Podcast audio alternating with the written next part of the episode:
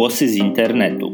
W naszym podcaście rozmawiamy, jak internet zmienia biznes, życie polityczne i społeczne oraz nas samych. A przede wszystkim, jak te wszystkie zmiany możecie ogarnąć na swoją korzyść w biznesie, w polityce, w działalności społecznej. Ja nazywam się Mateusz Sabat. Wspólnie z Łukaszem Dąbrosiem prowadzimy agencję Big Data for Leaders. W cyklu podcastów będziemy dzielić się z Wami naszą wiedzą, doświadczeniem i pomysłami. Zapraszam na dzisiejszy odcinek, a także na naszą stronę www.bd4l.pl.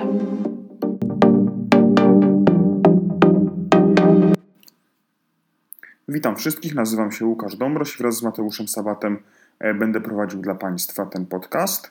Nasz pierwszy odcinek e, chcielibyśmy poświęcić temu, jak internet e, zmienił politykę. Wiąże się to bezpośrednio z naszymi doświadczeniami, ponieważ w polityce pracujemy już od dobrych kilku lat, a w 2018 roku, czyli 3 lata temu, wydaliśmy nasz pierwszy raport poświęcony temu, w jaki sposób naj, najwybitniejsi, najbardziej znani politycy E, świata korzystali z potencjału internetu właśnie po to, żeby kontaktować się ze swoimi wyborcami i przekonywać e, nieprzekonanych. Od tego momentu minęło już sporo czasu i świat również bardzo się zmienił. Epidemia koronawirusa sprawiła, że całe sektory gospodarki i życia społecznego musiały przejść w tryb online. To samo dotyczyło także polityki. W bardzo krótkim czasie politycy oraz ugrupowania musieli zarzucić tradycyjne formy spotykania się ze swoimi wyborcami, różnego rodzaju wiece, spotkania zamknięte, no i skoncentrować się przede wszystkim na działalności online. W takich warunkach odbyła się również polska kampania prezydencka w roku 2020. No i właśnie o tym chcielibyśmy dzisiaj porozmawiać.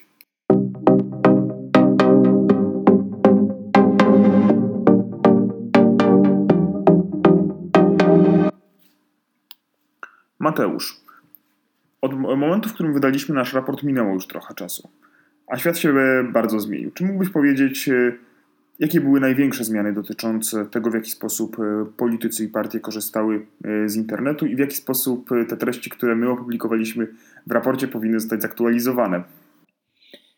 Pierwsza sprawa. W naszym raporcie sprzed trzech lat udało się uchwycić E, dwie niezwykle dynamicznie zmieniające się rzeczywistości: e, rzeczywistość internetu i rzeczywistość polityki.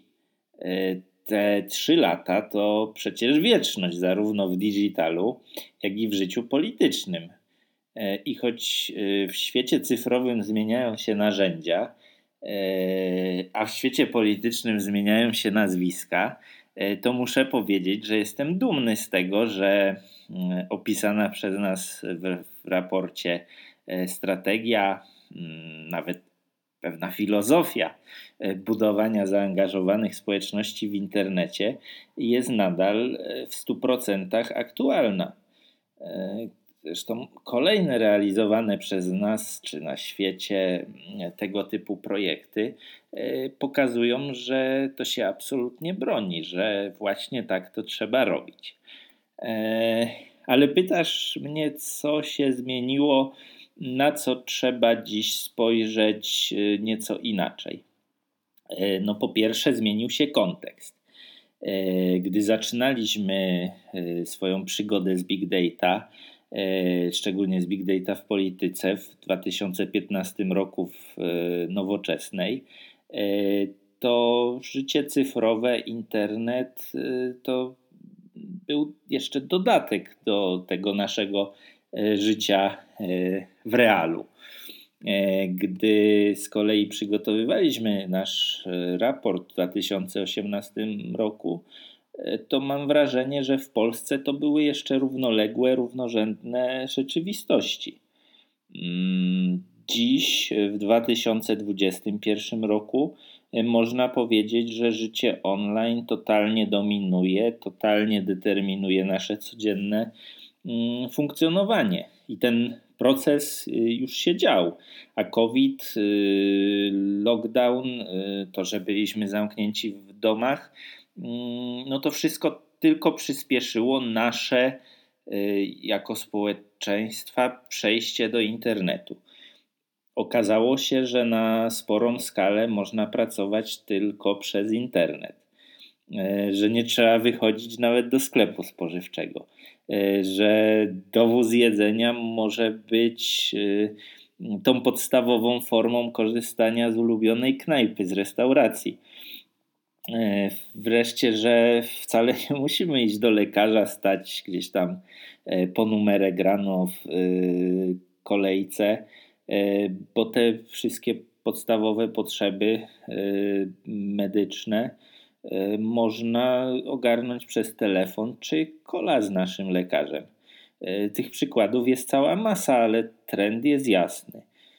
Nasz styl życia jest definiowany dzisiaj przez rzeczywistość online.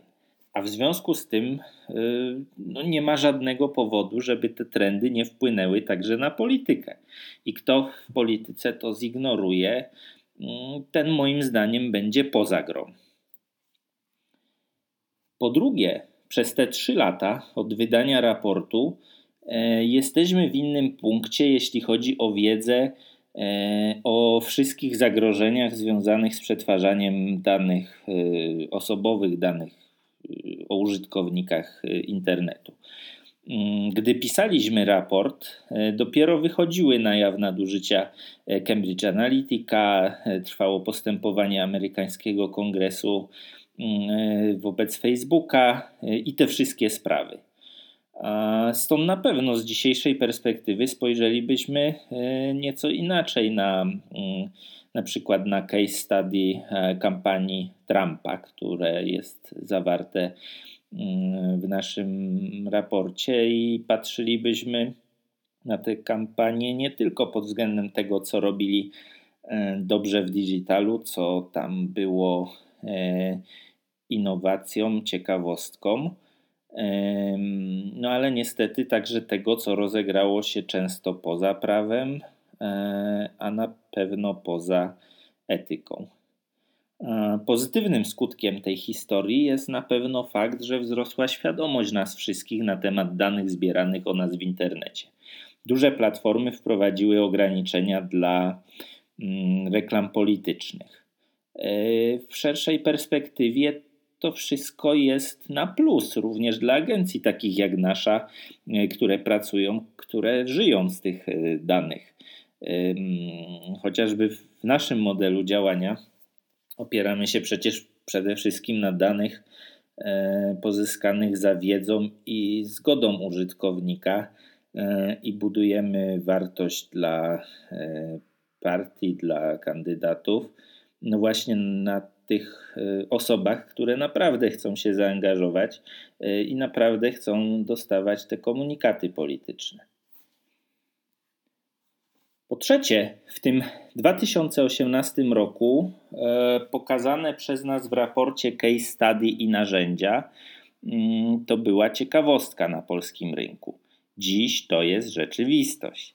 E, przynajmniej jedna istotna siła polityczna zbudowała się e, między innymi na zbieraniu danych sympatyków w internecie na dużą skalę, a mówię tu o ruchu Szymona Hołowni, którego zresztą mieliśmy okazję wspierać e, w kampanii prezydenckiej. Mm, po doświadczeniach z big data e, nowoczesnej czy wiosny Biedronia, które to robiły na mniejszą skalę, e, Szymon Hołownia jest pierwszym w Polsce politykiem, który umieścił ten sposób działania Yy, absolutnie w centrum swojej strategii. Mm, efekt, yy, mogę powiedzieć, ponad 10 milionów złotych zebranych przez internet. Najpierw w kampanii prezydenckiej, potem na działania założonego przez siebie ruchu. 26 tysięcy wolontariuszy w całej Polsce. Baza danych ponad 100 tysięcy sympatyków. No i chyba najważniejsze, w pierwszym sprawdzianie wyborczym 2 miliony 700 tysięcy głosów.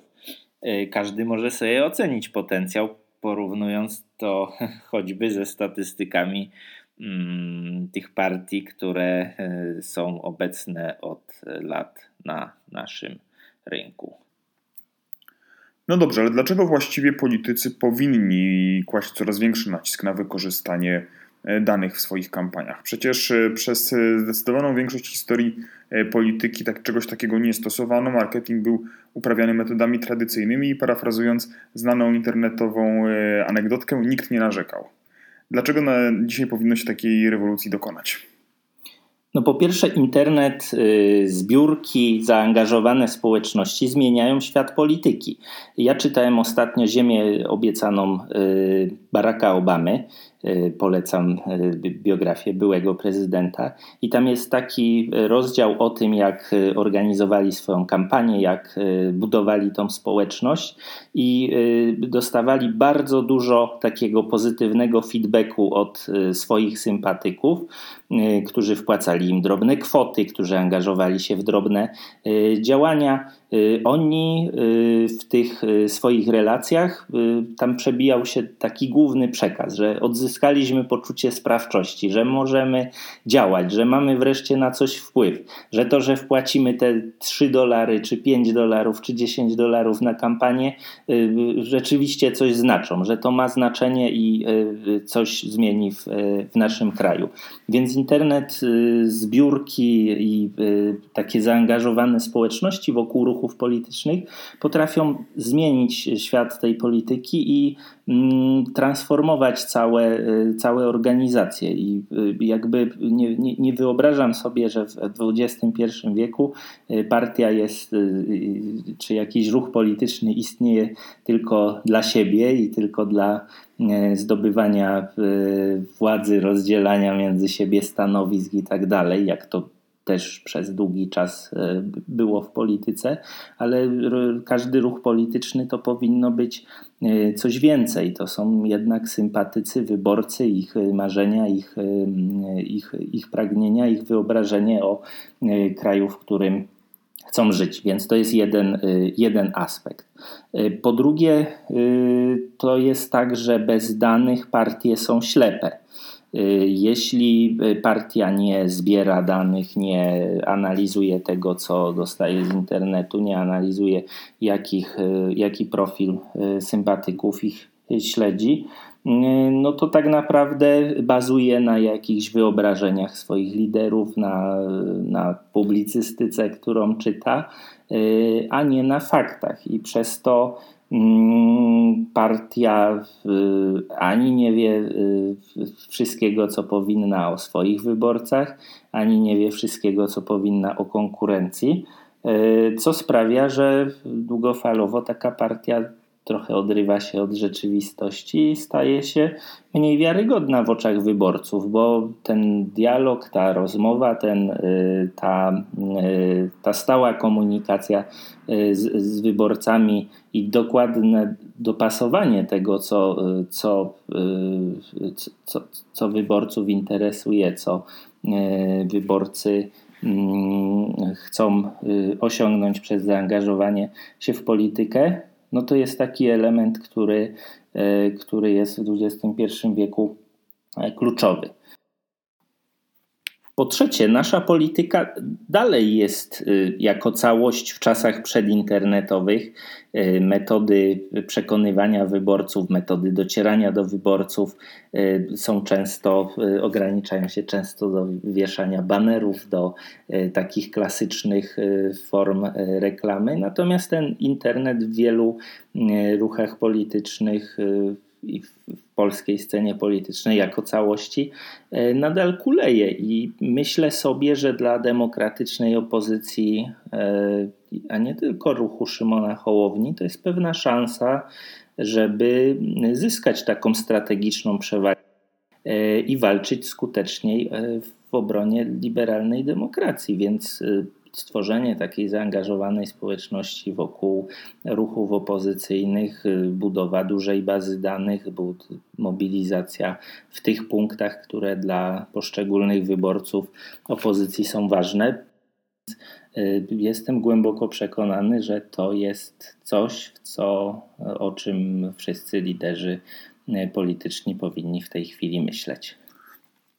Mogę tutaj jeszcze dodać, że wszystkie badania opinii publicznej pokazują, że elektorat opozycyjny jest obecnie młodszy, lepiej wykształcony, No i z tego też wynika, że lepiej obeznany w nowinkach technicznych niż twardzi rdzeniowi wyborcy partii rządzącej, więc ten obszar internetu jest szczególnie ważny dla opozycji, dlatego że w nim może ona uzyskać przewagę. No, z drugiej strony musimy jednak dodać, że w czasie kampanii wyborczej może pojawić się pokusa wykorzystania przez partię rządzącą ogromnych zbiorów danych y, należących na przykład y, do spółek Skarbu Państwa. No i jeżeli takie, taka, taka strategia zostałaby zastosowana, no to opozycja również musi być tego świadoma i musi być gotowa do tego, żeby takie podejście próbować jakoś zneutralizować.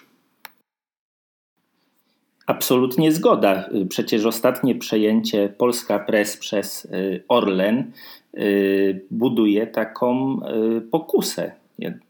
Nie mamy w tej chwili informacji, żeby Orlen czy politycy PiSu w jakiś sposób te dane próbowali w niewłaściwy sposób wykorzystać, no ale jednak taka pokusa istnieje, bo głównym aktywem Polska Press to nie jest nawet te kilkaset tytułów lokalnych w skali Polski, które pewnie teraz e, przejdą na taką turboprawicową narrację, stracą dotychczasowych czytelników i tak dalej. E, tam głównym aktywem jest baza e, informacji o 17 milionach Polaków, tysiące czy nawet y, setki tysięcy odsłon w, skali miesiąca różnych aktualności, różnych informacji lokalnych, które potencjalnie ktoś, kto miałby y, intencję wykorzystania tego w polityce, mógłby bardzo y, solidnie wykorzystać, żeby swój przekaz dobrze targetować na społeczności lokalne. No tak, na podstawie choćby liczby otwarć poszczególnych artykułów, czy liczby komentarzy oraz wykorzystywanego tam e, słownictwa, osoba prowadząca kampanię wyborczą z łatwością oceni, jakie tematy budzą największe zainteresowanie czy kontrowersje i jakie tematy powinny być wykorzystane właśnie po to, żeby e, przyciągnąć do siebie jak najwięcej potencjalnych wyborców. Więc jeżeli taka strategia zostałaby zastosowana, na, na ten moment nie mamy informacji, żeby coś takiego było szykowane, no to na pewno byłoby to dość mocne przechylenie boiska na korzyść e, partii rządzącej.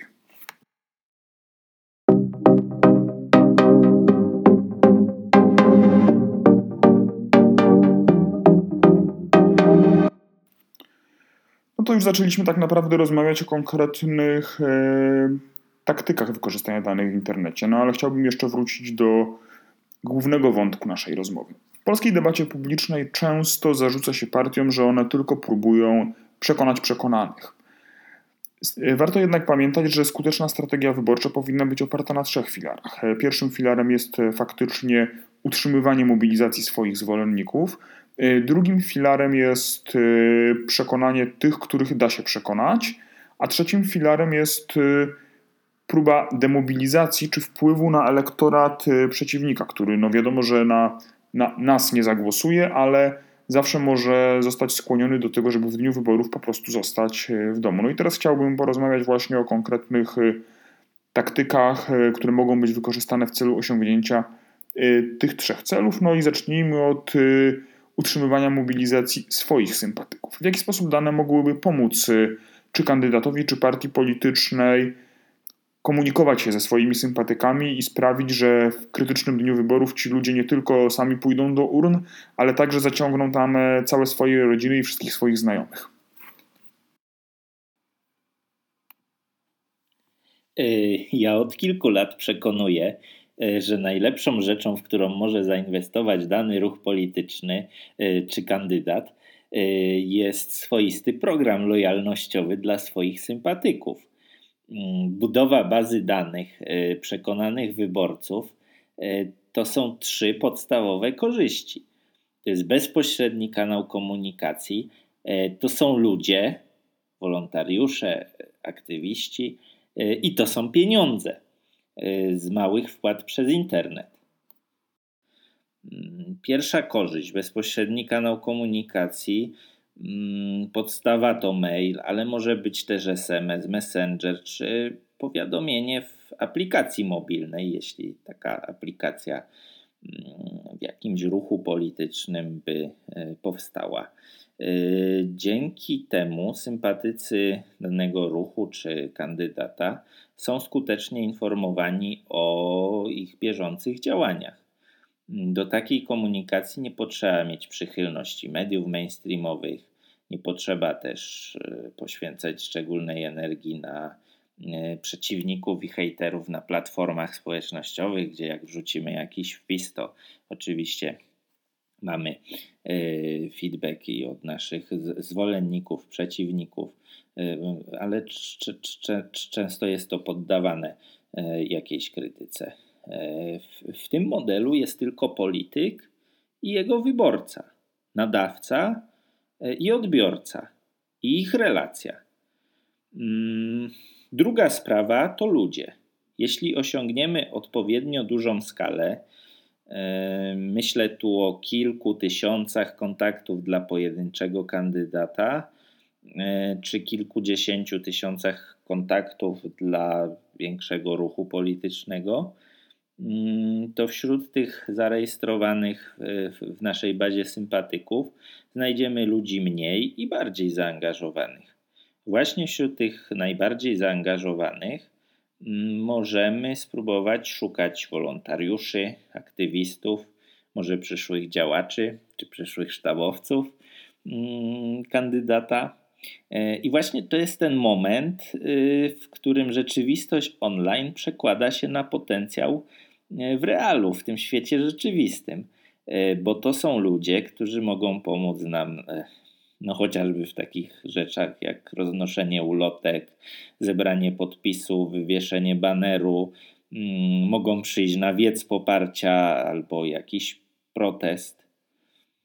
Trzecia rzecz, e, którą politycy mogą mieć z takiej bazy danych, E, to są pieniądze, bo jakby każda kampania i każdy, e, każdy polityk też potrzebuje się sfinansować i oczywiście część ruchów politycznych w Polsce dostaje e, subwencje z budżetu państwa, natomiast szczególnie te nowe ruchy polityczne czy ruchy polityczne, które pragną się wzmocnić, mogą zbierać przez internet. W 2015 roku, kiedy zaczynaliśmy zbierać pieniądze przez internet dla nowoczesnej, no byliśmy totalnymi pionierami, nie tylko na rynku politycznym, ale w ogóle na rynku e, zbiórek internetowych i to było coś, e, do czego Polacy nie byli przyzwyczajeni, coś, co w naszej kulturze e, no, wszyscy słyszeli, że tak się zbiera, wszyscy tam wpłacają na woźb, ale e, generalnie to nie było coś e, przyjętego w polskiej kulturze, tak jak na przykład dzieje się to w Stanach czy, czy w Wielkiej Brytanii. Natomiast po tych pięciu, sześciu latach, po tym jak wszystko, cała rzeczywistość przeszła do internetu, no, mamy przykłady setek, jeśli nie tysięcy udanych zbiórek na projekty polityczne, społeczne i tak dalej. To jest absolutnie część naszego życia, część naszej tożsamości i nie ma żadnego powodu, żeby partie e, w Polsce nie zbierały pieniędzy przez internet, tym bardziej, że jest to w pełni legalne i w pełni zgodne z wymogami E, Państwowej Komisji Wyborczej. Więc e, to jest taka trzecia korzyść zbudowania zaangażowanej społeczności ze zbierania bazy danych, zbierania maili, zbierania numerów telefonu, budowy aplikacji mobilnej, jeśli ktoś w tej formie chciałby się kontaktować z sympatykami. Także to są te trzy główne korzyści. A finalnie to są oczywiście głosy, no bo jeśli z tą społecznością utrzymujemy kontakt, jeśli ona jest przekonana o naszym y, dobrym działaniu, y, no to to są osoby, które pójdą na wybory, które tak jak y, Łukasz mówił we wstępie, zabiorą też swoje rodziny, namówią przyjaciół i będziemy mieć z nich wynik wyborczy. Jeszcze mogę tutaj dodać o bardziej zaawansowanych technikach mobilizowania wolontariuszy, tzw. Tak wyższej szkole jazdy, jaka była praktykowana już e, w Stanach Zjednoczonych, to znaczy wykorzystanie mechanizmu grywalizacji. Polegało to na tym, że dzięki specjalnym aplikacjom wolontariusze pracujący na rzecz kandydata w wyborach prezydenckich zdobywali punkty za konkretne działania, na przykład za rozwieszenie plakatów czy wykonanie połączeń telefonicznych e, mających na celu kontakt z jakimś potencjalnym wyborcą czy organizację jakiegoś wydarzenia. No i wolontariusze, którzy byli takimi, można powiedzieć, przodownikami pracy wyborczej, mogli z tego tytułu uzyskać dodatkowe korzyści, na przykład udział w ekskluzywnym spotkaniu e, z kandydatem, czy w jakimś e, zamkniętym wydarzeniu, czy, czy na przykład możliwość otrzymania jakichś upominków, gadżetów. To jest jeszcze przed nami, ale myślę, że jesteśmy jedną z nielicznych firm w Polsce, jeśli nie jedyną, e, która ma chyba całe potrzebne know-how, żeby taki system e, oparty o grywalizację e, zbudować dla ruchu e, politycznego czy kandydata. Także wszystko przed nami. No to wiemy już, jak e, partie wyborcze czy kandydaci powinni utrzymywać mobilizację swoich sympatyków, no ale wiadomo, że podstawowym celem każdej kampanii wyborczej jest e, przekonanie e, nieprzekonanych. No i Tutaj już mogę zacząć od tego, że chyba najbardziej kluczowa rzecz to jest ustalenie, kim właściwie ci potencjalni wyborcy są. Obserwując polską politykę, mogę powiedzieć, że nie jest to oczywiste dla wszystkich partii. No, takim y, wzorowym przykładem y, nierozumienia swoich wyborców jest to, co obecnie robi lewica, która z jednej strony próbuje komunikować się z elektoratem y, ultrakonserwatywnym, z elektoratem reprezentującym tak zwaną klasę ludową, który i takich nigdy nie poprze, a z drugiej strony programowo gardzi y, wyborcami z klasy średniej, którzy to wyborcy, jak pokazują badania, są najbardziej skłonni do oddania głosu właśnie na to ugrupowanie. No i to jest chyba taki klasyczny przykład ugrupowania, które buduje swoją strategię nie w oparciu o dane, tylko w oparciu o to, co w internecie napisze garstka najbardziej radykalnych i krzykliwych y, zwolenników, y, tylko że oni nie są reprezentatywni w żaden sposób dla ogółu populacji. Jak więc nie popełniać takich błędów? Tak, to co Łukasz powiedziałeś, to jest y, sedno sprawy, to znaczy jeśli nie mamy bazy danych naszych sympatyków, albo przynajmniej jeśli nie badamy ich standardowymi metodami socjologicznymi, no to ciężko y, zbudować taki profil potencjalnego sympatyka, do którego chcemy się odwoływać. I nie jest to tylko case lewicy, dobrze to wiemy, bo byliśmy w wielu e, projektach e, wspieraliśmy różnych polityków i to jest częsta przypadłość, że tak naprawdę e, dane ugrupowanie ma średnie pojęcie o tym, do kogo mówi i do kogo się komunikuje, chociaż są też pozytywne wyjątki, też, też o tym wiemy. Więc jakby taką podstawą e, tego, żeby e, w ogóle zacząć szukać tych dodatkowych wyborców, e, to jest bardzo dokładne przeanalizowanie, kim są nasi wyborcy, jakie mają upodobania, jakie wyznają postawy, gdzie mieszkają, w jakim są wieku itd. Tak itd. Tak I na tej podstawie no, możemy sobie opisać w jakiś sposób profil swojego wyborcy. E, dzięki narzędziom internetowym, dzięki danym, dzięki temu, że e, różne platformy śledzą użytkowników, e, możemy na tych platformach szukać użytkowników podobnych do naszego elektoratu. No i to jest taka pierwsza, najbardziej podstawowa sprawa. Jeśli mamy jakąś grupkę wyborców i stworzymy ich profile, no to możemy sobie szukać podobnych. E, druga rzecz to jest e, zintegrowanie działań e, w świecie rzeczywistym z tym, co się dzieje online. No bo przecież działacze partii, wolontariusze no odbywają różne spotkania, czasem prowadzą kampanię od drzwi do drzwi, może w czasach COVID-u trochę mniej popularną, w ogóle w Polsce mniej popularną, ale, ale, ale też już takie jaskółki się pojawiły. Y, posłowie rozmawiają w biurach poselskich itd., tak itd.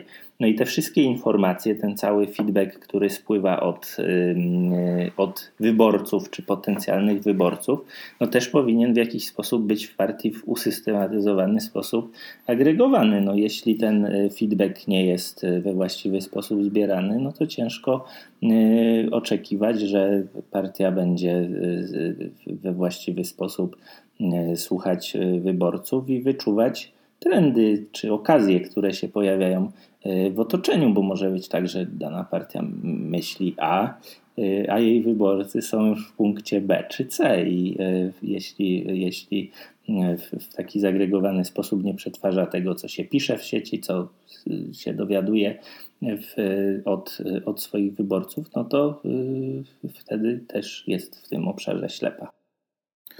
No tutaj mogę dodać jeszcze, że co najmniej dwie kampanie wyborcze w Europie w bardzo skuteczny sposób łączyły dane, które uzyskały od wyborców, to znaczy dotyczące tematów, którymi oni się interesują, właśnie po to, żeby stworzyć e, komunikację wyborczą, która potem przyniosła e, tym politykom całkiem spory sukces. To jest Emmanuel Macron, który został prezydentem Francji także dzięki temu, że jego wolontariusze odwiedzali domy wyborców, rozmawiali z wyborcami o ich zmartwieniach i potem e, przekazywali wszystkie dane do centralnej bazy, na podstawie której został stworzony cały przekaz wyborczy kandydata, a w Polsce próbą przeniesienia takiej strategii był projekt rozmowy Polaków, który y, został przeprowadzony przez kampanię Szymona Hołowni na samym początku tej kampanijnej drogi. Miało to formę internetową, dlatego że był, że był to już okres pandemiczny, no ale na podstawie ankiet wypełnianych przez y, sympatyków y, również przygotowano strategię komunikacji i tematów, którymi, którymi kandydat powinien się zająć. Poszukiwać potencjalnych y, wyborców y, możemy też przez połączenie e, dobrych, y, klasycznych badań socjologicznych i działania w internecie. Jeśli w badaniach sondażowych mamy przeanalizowany nie tylko swój elektorat, ale też elektoraty konkurencji czy osoby niezdecydowane, e, to do tych osób, które mają potencjał, na przykład traktują nas jako ugrupowanie czy kandydata drugiego wyboru, e, to do tych osób możemy kierować celowane komunikaty w internecie. Możemy też zbadać argumenty, jakie do nich trafiają. Najpierw sprawdzić to w badaniach E, sondażowych, a potem weryfikować to już na bieżąco w e, danych e, z kampanii mm, online. No takim symbolem marketingu internetowego w ostatnich latach, nierzadko wręcz wykpiwanym, są influencerzy. Czy strategie wyborcze powinny opierać się o ich wykorzystanie, czy raczej należy odpuścić temat influencerów, bo to jest dobre do sprzedaży odzieży, kosmetyków czy szeroko pojętych produktów lifestyle'owych, ale nie jest to dobry pomysł e, w marketingu politycznym. No, tutaj chociażby ostatnia kampania w USA pokazuje, że y, jeśli dobrze wiemy, kim są nasi wyborcy i kim są wyborcy, o których poparcie chcemy się ubiegać i y, są na to realne szanse, to wykorzystanie influencerów może być bardzo skuteczną strategią. Przykład kampanii Bidena, gdzie zidentyfikowali sobie różne grupy, które których y, kandydat potrzebował y, wzmocnienia, między innymi u młodych matek y, żyjących na przedmieściach, między innymi u tak zwanych symetrystów, między innymi u młodych ludzi, którzy dopiero pierwszy raz szli głosować. To były takie przykładowe grupy, które, do których sztab Bidena chciał się odnosić. Y, no, do tych grup y, udało się dotrzeć właśnie za pośrednictwem mikroinfluencerów. Ale żeby dobrze wybrać influencera, y, no potrzebujemy właśnie mieć taki strategiczny przegląd swoich danych, tego kim są nasi wyborcy, kim są nasi potencjalni wyborcy.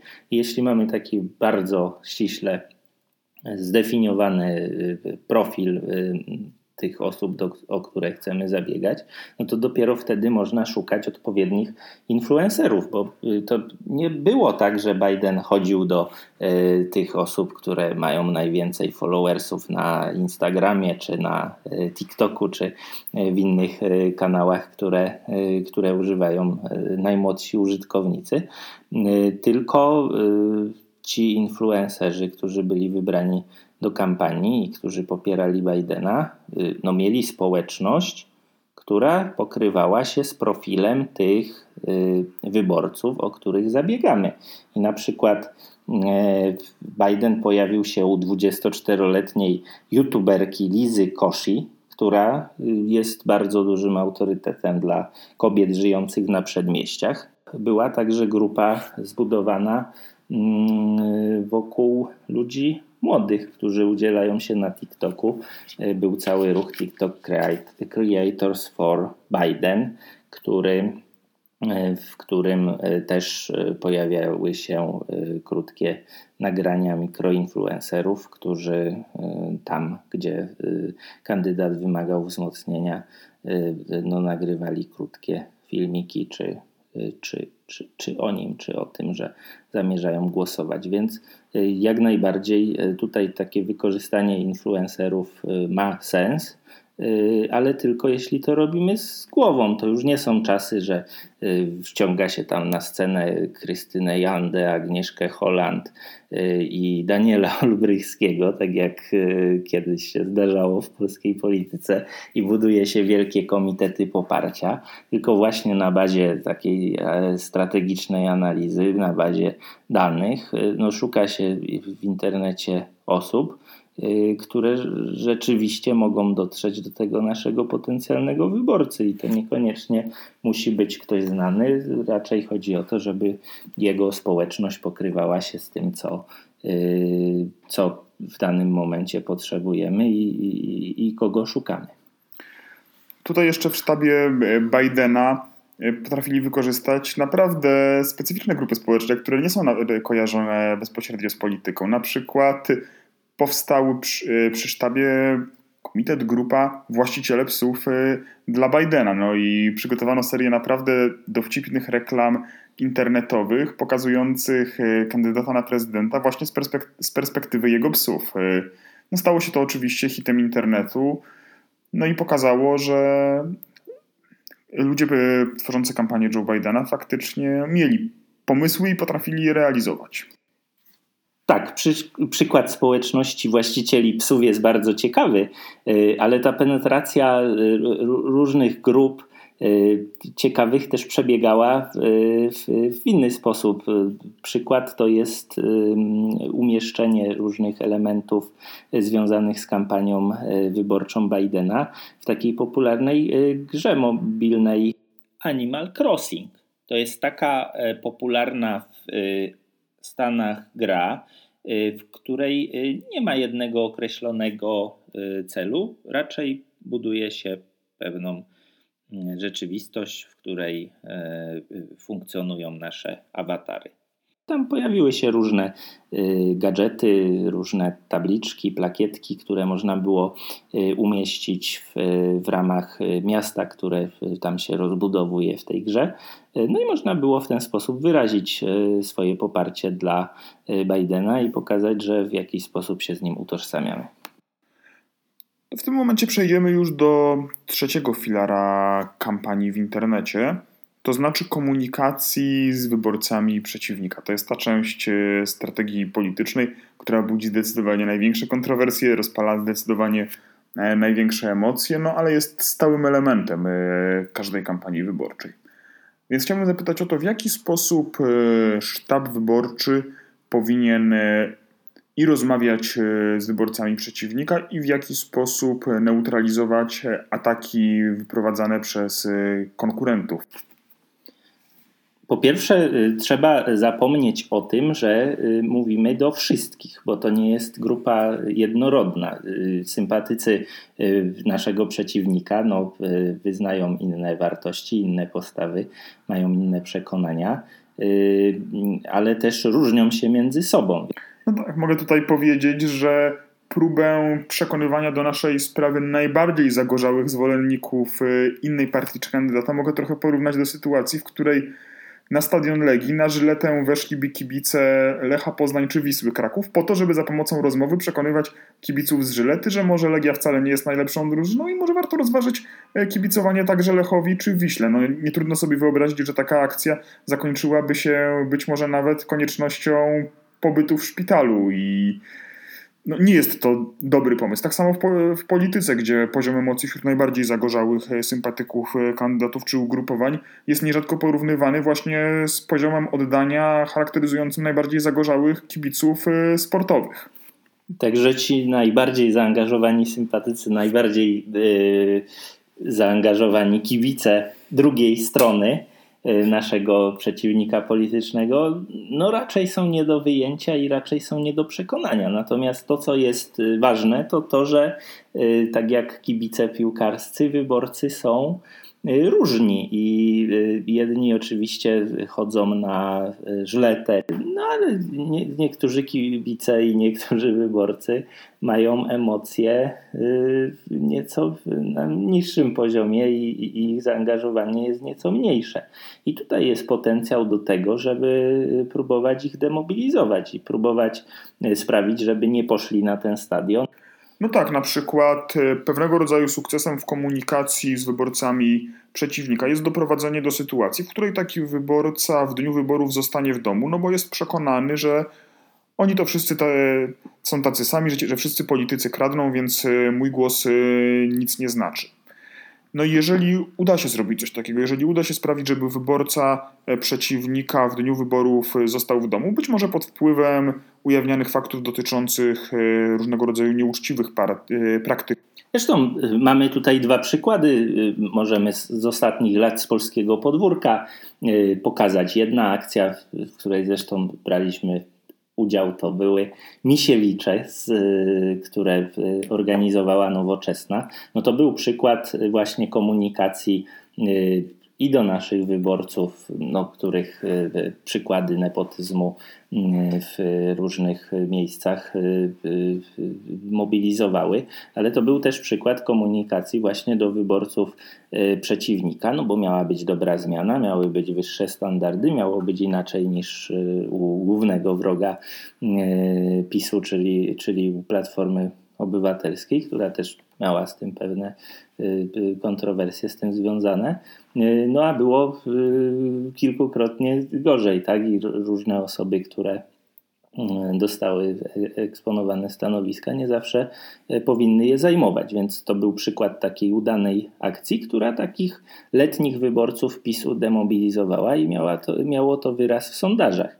Inny przykład z e, ostatnich lat to są działania Agrounii, która też próbuje tam wykroić swój kawałek tortu na wsi, a wieś to jest ważny rejon dla E, partii rządzącej i Agrounia dobrymi celowanymi działaniami w internecie e, pokazało e, w jednej z ważnych spraw dla rolników ustawy futerkowej i tych ograniczeń, które tam miały wejść w związku z, z, z, piątką dla zwierząt, udawało się zrobić takie kampanie, które pokazywały, że polski rolnik na tym straci, że y, będzie, że y, cały koszt tej, tych zmian legislacyjnych pójdzie na polską wieś, że PiS zdradził wyborców i tak dalej, i tak dalej.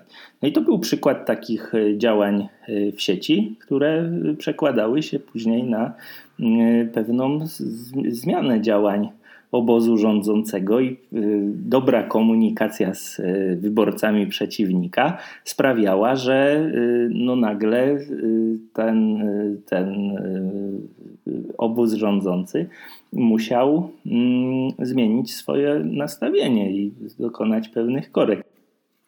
Jak Państwo słyszą, e, te trzy lata, które minęły od publikacji naszego raportu, to w internetowym marketingu politycznym e, cała epoka. Mam nadzieję, że udało nam się e, Państwu przybliżyć te rewolucyjne zmiany. Dziękuję tym, którzy wytrwali do końca naszego podcastu i z racji tego, że jest to nasz pierwszy odcinek, z przyjemnością zapraszam do wysłuchania kolejnych audycji, które opublikujemy już wkrótce. To już koniec dzisiejszych głosów z internetu. Napisz nam, co uważasz o tym odcinku oceń go i zostaw swój komentarz. W ten sposób pomożesz nam się rozwijać. W swojej aplikacji ustaw subskrypcję naszego podcastu. Znajdziesz nas na najpopularniejszych platformach podcastowych oraz na naszej stronie internetowej www.bd4l.pl. Dziękuję za dzisiaj i do usłyszenia.